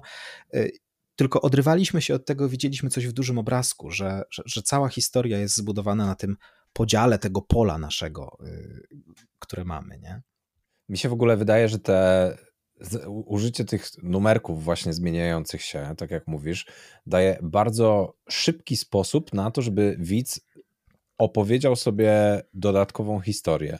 W sensie ty wizualnie na przykład pokazujesz rozbiory Polski i pokazujesz ten 1790 któryś rok, potem skaczesz do 2004 i automatycznie widz może stwierdzić, ej, dobra, to jaki to miało wpływ na 2004 rok. Co tam się wydarzyło po drodze hmm. przez te 200 y, parę lat? Tak. I nagle z jednej, jednego fragmentu historii, z rozbiorów, y, idziemy dużo dalej, idziemy dużo szerzej i każdy też pomyśli co innego, bo wskakujemy w jakiś rok, w którym też coś się wydarzyło. Każdy inaczej ten rok pewnie zapamiętał, jeżeli to jest no 2004, no to, no to żyjemy w tych czasach, nie? Więc, tak. więc pamiętamy. I można pójść, można pójść jeszcze dalej.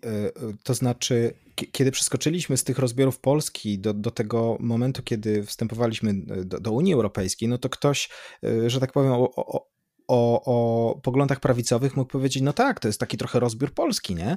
Ale hmm. za chwilę przeskakujemy do, do roku 1969 i pokazujemy scenę, jak Amerykanie i Rosjanie dzielili y, ziemię na Księżycu pomiędzy siebie.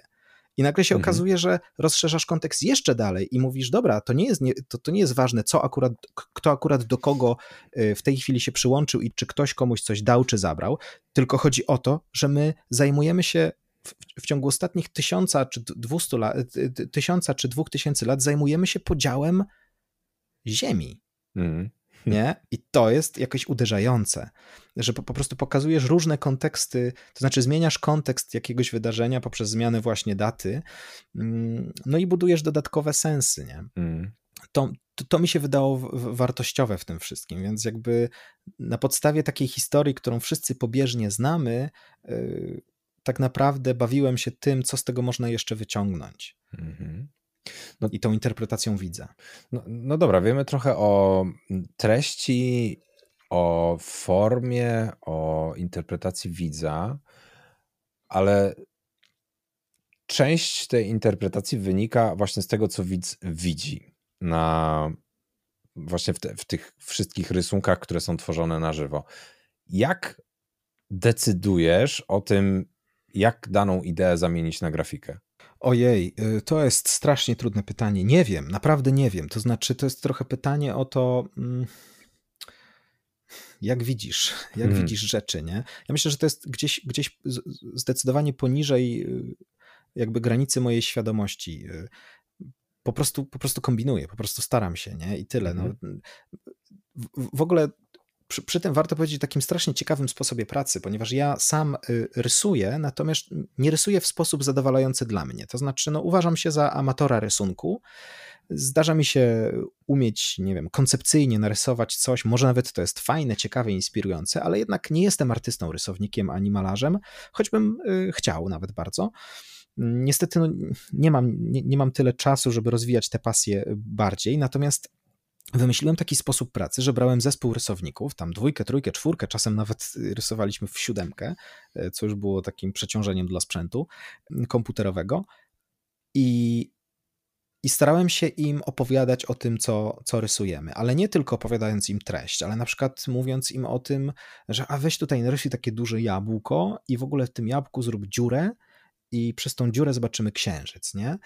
I oczywiście gdzieś tam na jakimś intelektualnym poziomie sobie myślę, dobra, to będzie znaczyć to i tam, to widz może to zrozumieć tak albo inaczej, okej, okay, te dwa konteksty mi odpowiadają, spróbujmy tak, ale potem jak widziałem to co, y, to, co narysowali, mówiłem, dobra, to jest świetne, ale w ogóle ten księżyc musi być czerwony, bo inaczej coś tam, nie? Albo musi być mhm. niebieski, bo jak jest czerwony, to w ogóle kojarzy się z Marsem, a jak się kojarzy z Marsem, to w ogóle o coś innego chodzi, nie? Pamiętam, że był, był, był taki super moment, kiedy wtedy jeszcze jeden rysownik ze mną współpracował przy, przy tym spektaklu. Powiedziałem mu: Słuchaj, i teraz jest w ogóle. Ja potrzebuję jakiegoś przerywnika w tym spektaklu. I nie wiem, mam taki pomysł, żebyś ty jedną kreską opowiedział 2000 lat. I on mówi, no chyba żartujesz. Ja mówię, no nie wiem jak to zrobisz, ale bo, bo wymyśliłem coś takiego. No i pokazałem mu taką kreskę, którą nazwaliśmy, mm, nazwaliśmy między sobą ją, że tak powiem, bardziej wulgarnie, ale parlamentarnie mówiąc, nazywaliśmy ją uciekającą kreską. Polegało to na tym, że zaprogramowałem sobie taki, taki mechanizm, że jak rysujesz kreskę, to ona ma pewną długość i ona się jakby kończy. To tak jakbyś miał, nie wiem, nitkę, którą sobie mhm. po stole przesuwasz i robisz z niej jakieś kształty, ale za chwilę ona jakby znika, nie? Więc masz jakby kilka centymetrów, żeby na przykład zarysować kółko, ale jak już w kółku rysujesz dwa oczka, no to już to kółko znika, nie? No, no. Bardzo mi się to spodobało jako narzędzie. I powiedziałem y, Sebastianowi wtedy, słuchaj, no zobacz, mamy coś takiego. Co ty z tym zrobisz? Nie wiem, gdybyś na przykład narysował najpierw pierwotniaka, a potem narysował na przykład y, za chwilę mm, samolot, a potem narysował y, komputer, a, na koń, a, a potem narysował człowieka w przestrzeni kosmicznej, mm, to może w ten sposób opowiemy kilka takimi flashami krótkimi, takimi krótkimi skojarzeniami. Może opowiemy po prostu kilkaset lat i będziemy mieć z głowy od razu kilkaset lat i możemy iść do następnego. No i tak żeśmy ćwiczyli i w dużym stopniu te solówki y, mm, rysownicze, bo tak żeśmy je sobie nazwali, były zasługą takiej półimprowizacji mojej i y, mm, rysownika jakiegoś pod, podpowiadania sobie na ucho, co teraz, o dobra, to teraz narysuj coś innego, a nie, w ogóle zrób to z drugiej strony, o i teraz przekreśl to, a teraz zrób w ogóle coś tam. No i żeśmy tak sobie wymyślali, wymyślali, on sobie to ćwiczył, improwizował, kombinował, no i tak poprzez właśnie znowu akcję i reakcję stworzyła się taka solówka, która mm, dla mnie była, ja naj, chyba najbardziej uwielbiam ten moment w spektaklu, chociaż nie wiem, czy potrafię tak powiedzieć, ale to jest jeden z moich ulubionych e, momentów e, w spektaklu, gdzie, gdzie właśnie tą jedną uciekającą kreską w takim szybkim błysku po prostu opowiadamy 1500 lat na przykład, nie? Poprzez mm -hmm. 4-5 jakichś symboli, które od razu budzą jakieś skojarzenia i coś tam robimy. Więc no, Wiem, że nie odpowiadam na pytanie wprost, no bo nie wiem jak, powiedziałem na początku, nie? Ale po prostu próbuję, po prostu staram się reagować y, z, z medium, które, y, które mam przed sobą i, i chyba to jest jak, jak, dla mnie odpowiedziałeś na to pytanie, no bo to jest y, po prostu połączenie eksperymentowania z, ze wspólną pracą taką, gdzie ty opowiadasz rysownikowi, on rysuje, albo dajesz mu zadanie, on to interpretuje. I to jest, to jest moim zdaniem świetne, bo wychodzą, mogą wyjść z tego niesamowite rzeczy, zresztą faktycznie wyszły niesamowite rzeczy, no bo w, spektaklu, w, w spektaklu to widać.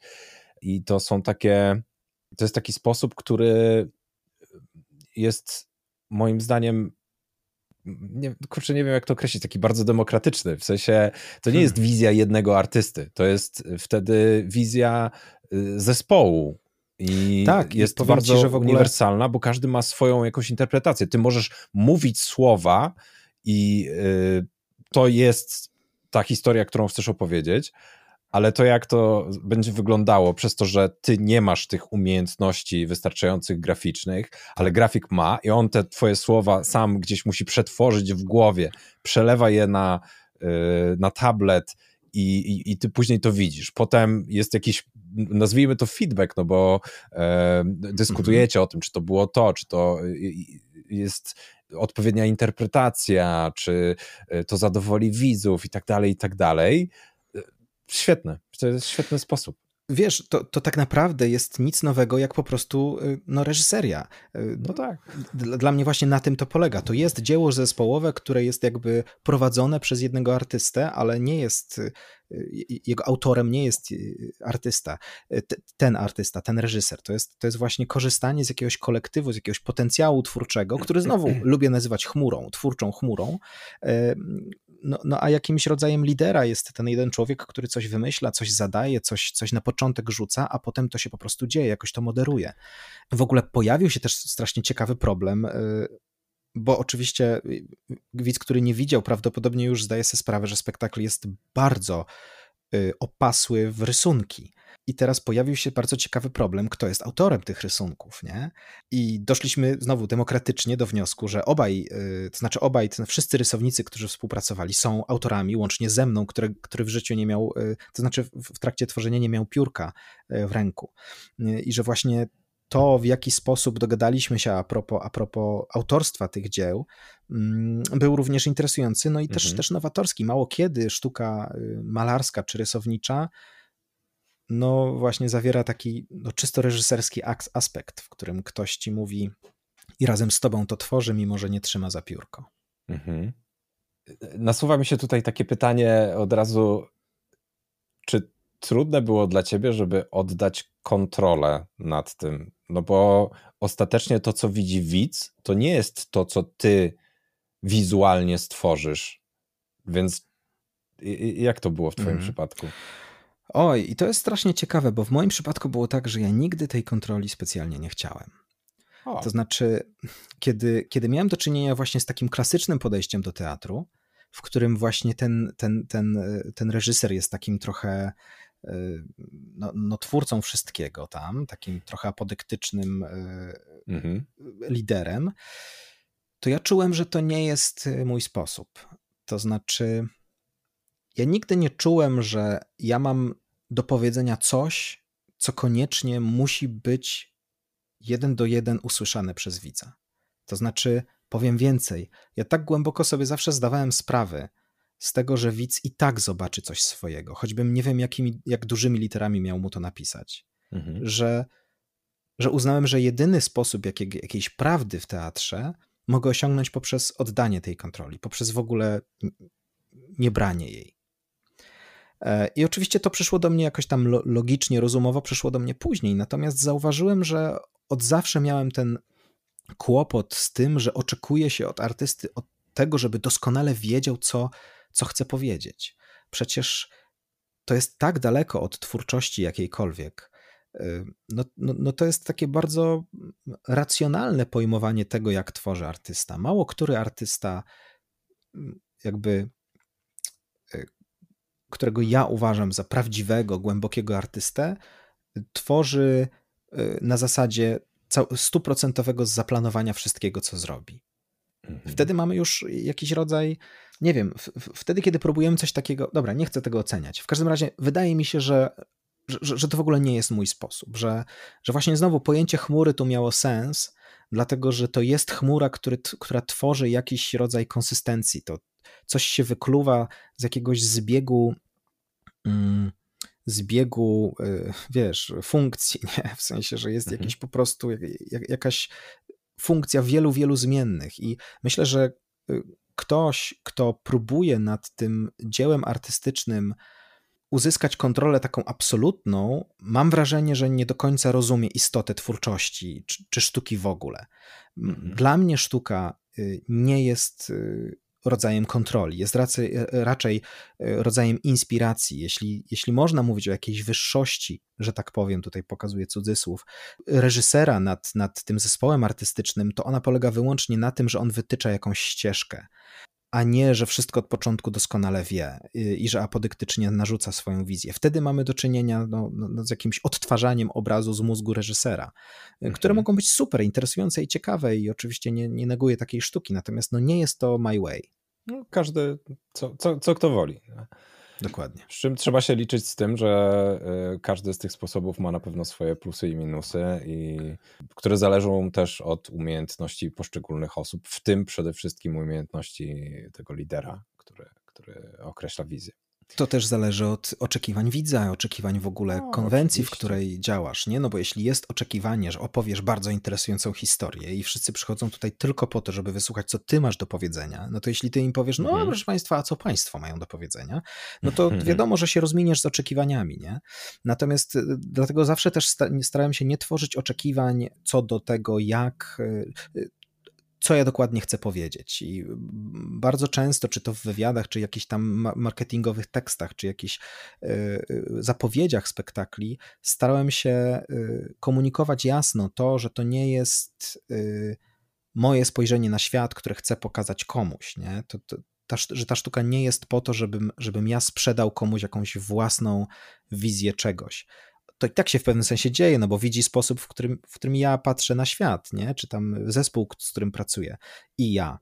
Natomiast y, no, był też taki fajny moment, jak, jak robiliśmy spektakl, który się nazywał Don K., który był inspirowany w ogóle życiem e, Tadeusza Kościuszki, co, co, co było na mhm. początku dla mnie zaskakujące, bo to było zlecenie, że tak powiem, zewnętrzne, a, a potem bardzo, bardzo mnie zaciekawiło i na początku nie widziałem potencjału, który w tym się kryje.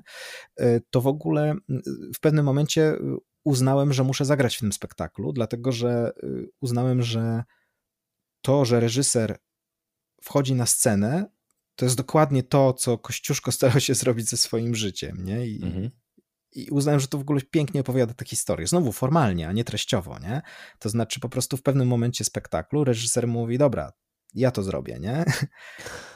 I okazuje się, że to jest właśnie to, co mi się wydawało, że próbował zrobić Tadeusz Kościuszko z pewnymi swoimi wizjami, że próbował je jakoś urzeczywistnić, ale w pewnym momencie po prostu łapał za szable i, i rzucał się w tłum, e, co oczywiście było super y, nieodpowiedzialne, że tak powiem.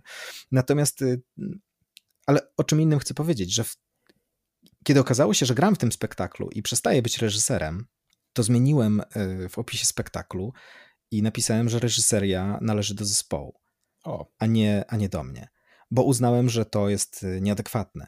Mhm. Mm. że, że, już nie byłem tym liderem, który prowadził. Byłem tym liderem tylko przez, przez jakąś część, a drugą część to, to było nasze wspólne dzieło po prostu. Jak, jakichś aktorów y, i, i, muzyków i rysowników. I po prostu dlatego, dlatego, dlatego w oficjalnym opisie pojawia się reżyseria Teodumski i zespół. Że, że, czy, czy, czy, raczej chyba odwrotnie, zespół i te, oraz Teodumski. To, to w ten sposób chciałem dać wyraz temu, że, że właśnie warunki się zmieniły na tyle, że już nie można mówić o takiej właśnie liderskiej reżyserii. Super, mega to szanuję w ogóle. Słuchaj, zmierzając już powoli do końca naszej rozmowy, yy, chciałem, żebyś jeszcze podzielił się może jakimiś materiałami, yy, czy co, by, co byś polecił słuchaczom do dalszego uczenia się Twojego fachu? Mojego fachu masz na myśli? Zinterpretuj to. Mm -hmm. Znaczy, wydaje mi się, że, że Witkacy to jest, to jest super y, rzecz. Natomiast zdaję sobie absolutnie sprawę, że to nie dość, że dzisiaj jest już dość mocno archaiczne, to, to też jest bardzo trudne do, do przebrnięcia ze względu na jego no naprawdę dość specyficzny język, mhm. bardzo głęboką filozofię, jakąś taką intelektualistyczną i dziwaczną. Chociaż na przykład jego dzieła typu narkotyki e, są świetne, nie? ale to już też znane skądinąd pewnie, e, pewnie również przez słuchaczy. Nie wiem, chyba mi będzie, wiesz, trudno polecić coś konkretnego. Natomiast mogę się podzielić taką radą, która mnie, y, jak zdarza mi się pytać siebie, co dalej. Mhm.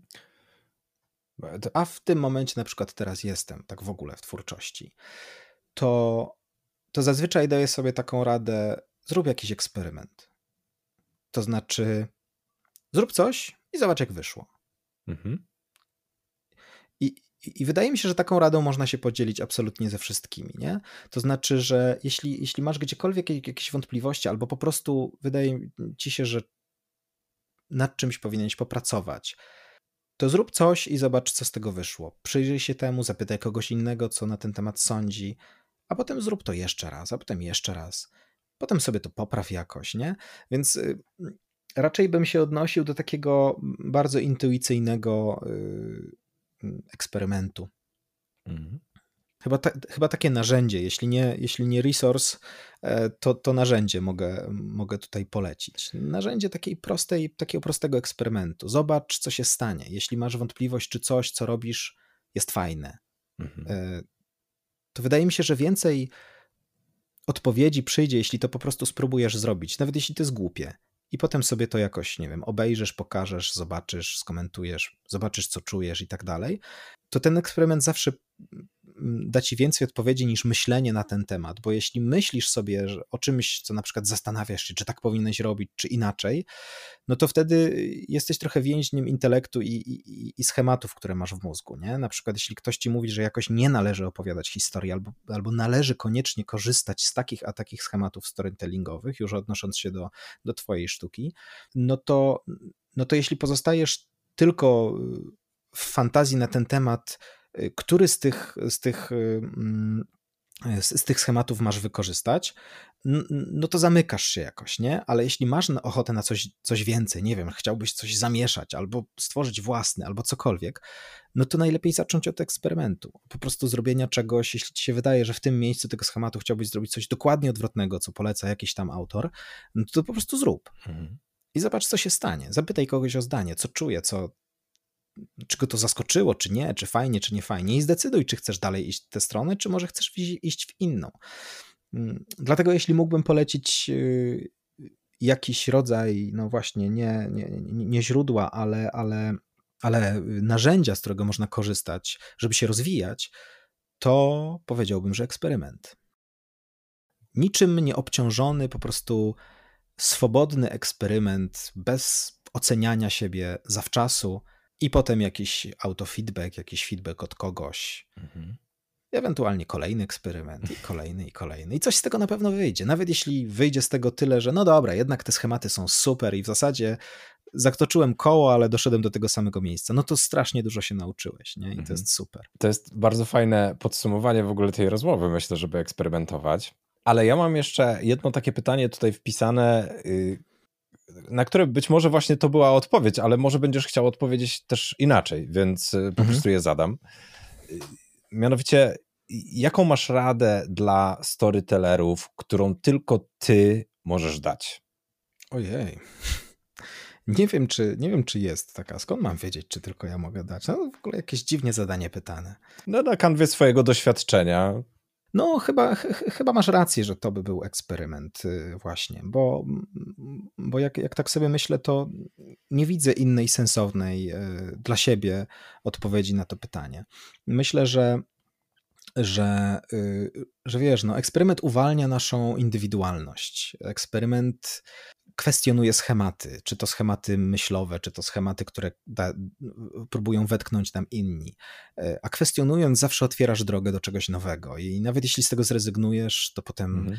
Y, coś już zyskałeś z tego eksperymentu. Więc, więc tak, dobrze czujesz, że, że to byłaby moja odpowiedź. Myślę, że to jest w ogóle rzecz, eksperyment to jest coś, co może ci dać w ogóle twoją, w sensie tego kogoś, nawet komu dajesz tę radę, może dać właśnie tę jedyną indywidualną odpowiedź, której nikt inny mu nie jest w stanie dać.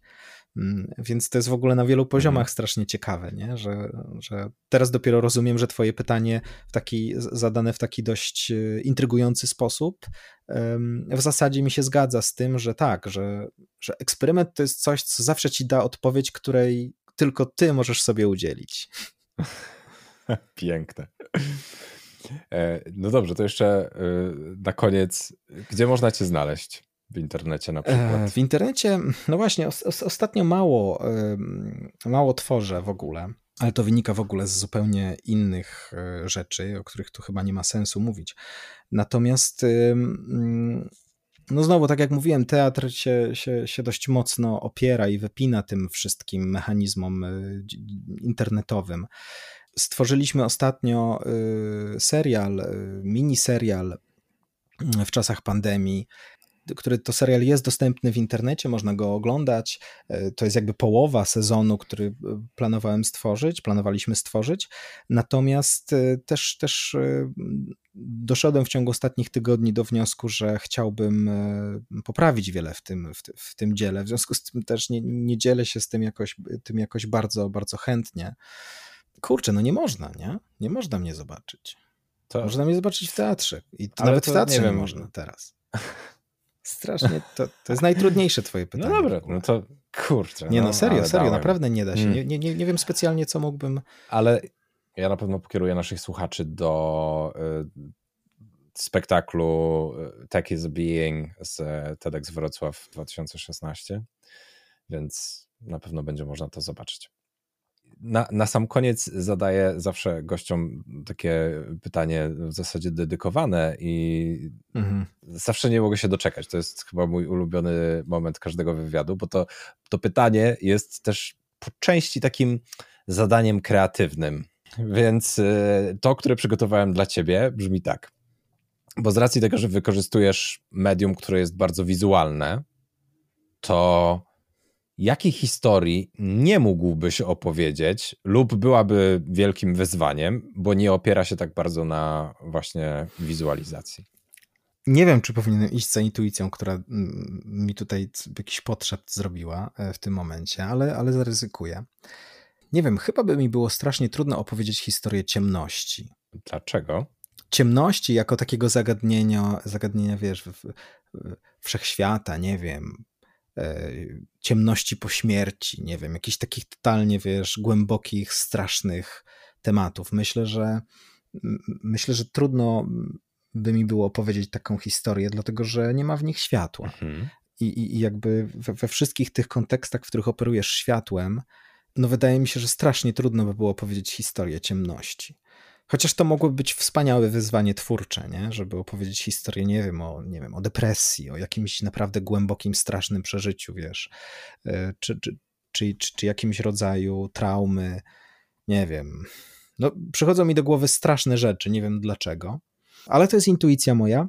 No to jest mega ciekawe, bo rzeczywiście, e, chociaż ja od razu idę w taką stronę, e, gdzie wydaje mi się, że właśnie w ciemności to światło użyte w bardzo minimalistyczny sposób może być szczególnie ważne i opowiadać szczególnie interesujące historie. No tak, dlatego od razu pomyślałem sobie, że że z jednej strony y, to byłoby strasznie trudne, a z drugiej strony bardzo inspirujące mm. właśnie, nie? że można by w ogóle zrobić to wszystko w jakimś kosmicznym negatywie tak. nie? i właśnie tam, gdzie tego światła jest mało, więc wiesz, y, myślę, że w ogóle nie ma ograniczeń dla, dla ludzkiej twórczości i, i, i twoje pytanie raczej we mnie budzi takie, taki, y, taką myśl, czy są w ogóle jakiekolwiek granice naszej twórczości? Czy w ogóle są takie historie? E, wiesz, nie chciałbym tutaj e, jakoś tak nieskromnie mówić, że nie ma historii, której bym nie mógł opowiedzieć, bo tego nie wiem oczywiście i pewnie tak jest. Natomiast e, od razu przychodzi do mnie inne pytanie właśnie, czy są jakiekolwiek granice naszej twórczości ludzkiej? I wydaje mi się, że nie ma. Pięknie. Idealne podsumowanie całej rozmowy. Więc na tym skończymy. Bardzo Ci dziękuję za tę rozmowę.